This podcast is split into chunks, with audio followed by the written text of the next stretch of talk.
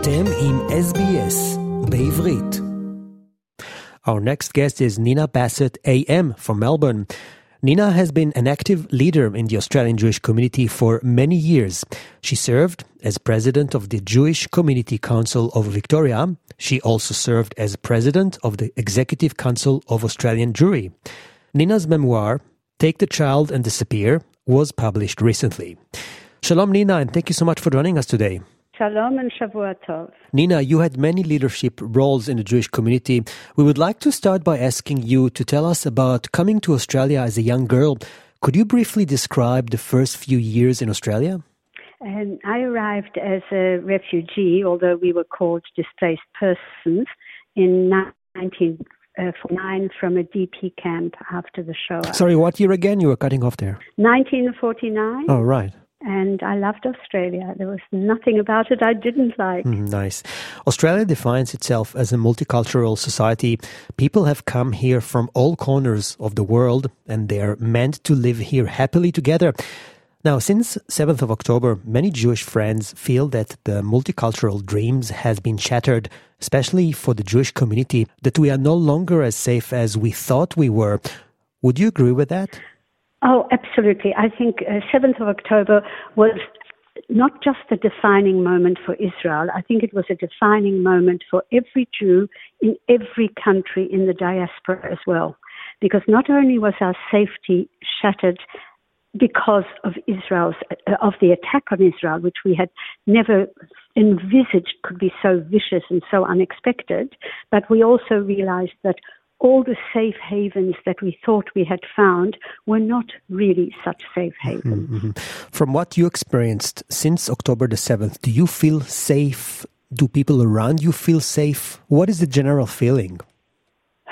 Well, uh, it, it's it's multifaceted. Don't forget, or perhaps you didn't know, on the 7th of October, um, I was in Tel Aviv. Um, so it was a different experience for me than for many people who are listening to your program. Uh, I personally do not feel frightened.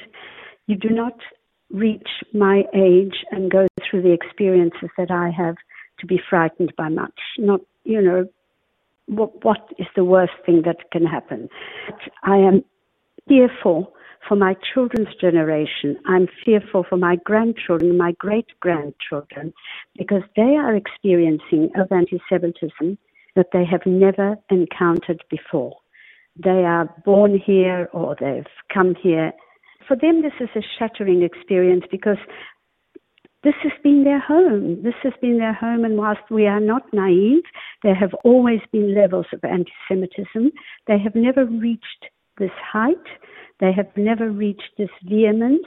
Uh, we've never had so much uh, BDS uh, uh, movement uh, pushing itself. We have not had councils which are passing anti Israel motions and flying Palestinian flags. This is not an environment I want my children and grandchildren to grow up in. And, and it's more than that. It's not an environment I want the average Australian to be living in either. Mm-hmm. Now, can the authorities do more to protect the Jewish communities in Australia and to stop violent rallies with uh, like horrible chants like we saw in Sydney when they chant from the river to the sea, or even worse chants that I don't even want to mention in Sydney? But can they do something about it? The authorities? Yes and no. Theoretically, we have legislation. We have uh, criminal legislation, we have anti discrimination acts, we have anti racial discrimin- uh, discrimination acts, and theoretically we should be able to do something. And yet somehow the authorities seem to be powerless to bring actions which come to fruition. Now, uh, I know the ECAJ is looking at this. I know all the, you know, the Executive Council of Australian Jewry. I know all the roof bodies in the states, the Jewish roof bodies like the JCCV and the New South Wales Board of Deputies. They're looking at this and seeing how we can either strengthen the legislation or have it interpreted appropriately so that these measures can be taken. Because, and using the word unfortunately again and again, if we don't do something, it leads us to anarchy. You know, there has to be some control. Yeah, some control, you're saying. There must be control, more control in Australia from coming from the authorities? Well, I think so because uh, you know I have a lot of non-Jewish friends, and the messages I'm getting is they don't like to see their life disrupted. They don't like the multiculturalism which you were referring to being torn apart. They don't like disunity in the community because let's not forget it's not a community that's being disrupted. Uh, carols by candlelight disrupted the function plus all the millions of people who were watching. This is tearing at the fabric of everyday Australian life. And I think we need to make the community aware. I'm not talking about the Jewish community. We need to make the general community, the wider community aware this is not a purely Jewish problem. This is a societal problem where society is being torn. So that brings me to my next question about the rude interruption of the carols by the candlelights. It was not just an anti Israel or anti Semitic, it was totally un Australian. And again, what should be the response to such appealing uh, behavior? Well, I think the response to that case was that the person who went on the stage has been charged. Mm, right. There were a couple of charges, one of which, and I don't think there's been enough emphasis on that, one of the charges relates to carrying a weapon. So, what, uh, in your opinion, can be done to prevent such events uh, occurring in the future?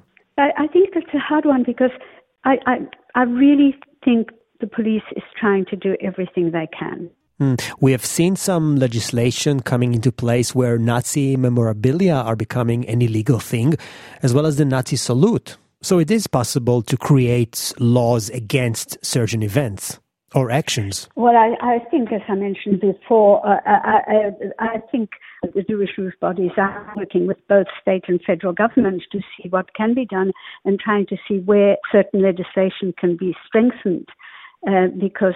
Uh, you know that, that that will have to happen if we're not to if we're to have a more peaceful and harmonious life. And we're speaking to Nina Bassat AM, a leader in the Victorian Jewish community.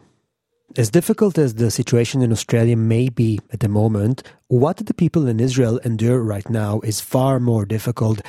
How can the Jewish community over here offer help and support to Israel? I think there, there are multifaceted ways of doing it.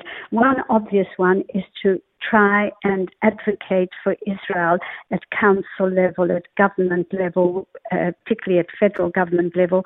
Advocate as much as you can. Try to rationally and, and coolly, not emotionally, uh, put the Israeli point of view as much as you can so that the people of Australia and therefore the government of Australia, because they do occasionally listen to the people, will be more sympathetic in the United Nations. And, you know, so on an advocacy level here, we can do that.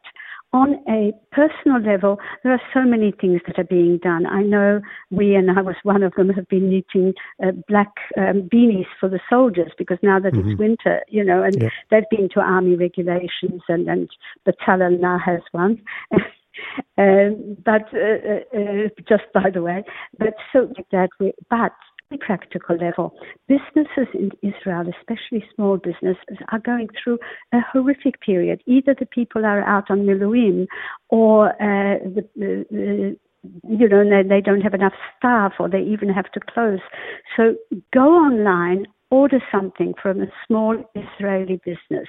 I know there is a list all, but just go online, find some near someone who uh, who you know in Israel, and we in Oya are very very connected. Send them a basket of food for Shabbat. Uh, send them some wine from a winery. Uh, order a, a, dress for your granddaughter. Do something to help and promote Israeli business. I know it doesn't sound like much. Anything helps. Anything helps, but I know it doesn't sound like much. But I, I'm sure that the business person you order from will appreciate it. So small and, things, even if it's uh, one or two dollars. Yes, of course. Of, to show your support and to help financially. And the other thing, of course, is keep showing your support to anyone you know in Israel. Uh, send them messages. Keep asking how they are. See if there's anything you can do. Uh, I know it doesn't sound like much, but it actually is. People need to know that we care.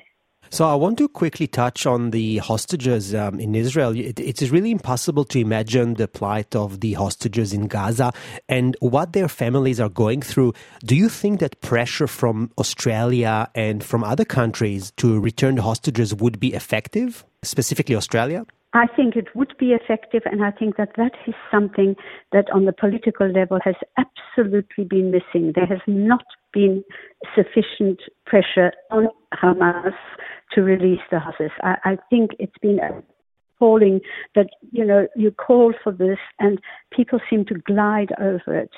As you so appropriately or rightly said, the thing that's going on. And it's not just the families, it's the families, the friends, the communities. To think of what has happened and what is still happening to some people is really psychologically and emotionally incredibly damaging. And I think every that uh, has any ties to Israel should have done a lot more about asking for the release and the instant and unconditional release of the hostages. And the, who I blame the most is the, Red Cross. The Red Cross has been unbelievable, visiting, trying to find out how how they're being total lot on, on the. So the Red Cross, you're saying the Red Cross is basically to blame too for not doing enough. Absolutely, and, and the head of uh, uh, Magen David has been in, uh, at the headquarters of Red Cross pleading with them to do things, and established that hasn't done much good either. Mm-hmm. Okay, I would like to ask you now what are your wishes or hopes for the upcoming year, 2024? I think if your listeners is hoping that wake up tomorrow morning and the war will be over. That that is what we all hope. and beyond that, the war. I think once we need to get over that before life can resume. You know, universities have not yet gone back. Uh, businesses are failing. The cost of living is becoming horrific. Oh, Israel is affected at every single level. And forget the fact that, you know, our children are having to attend funerals all the time. It, it's a tragic, horrific situation. All we can do is hope that it ends as soon as possible. And really, uh, I, I'm a great believer that we are a people of survival. We have always been a people of survival. And if we can focus on that, this is terrible. This is horrible. But we will get through it as we always have before. Mm-hmm. You know, that, that hope is what sustains me, and I hope that it sustains everyone else. Nina Bassat, thank you so much for speaking to us today. It's been a pleasure to, to speak to you. Thank you. All the best. עקבו אחרינו והפיצו אותנו דרך דף הפייסבוק שלנו.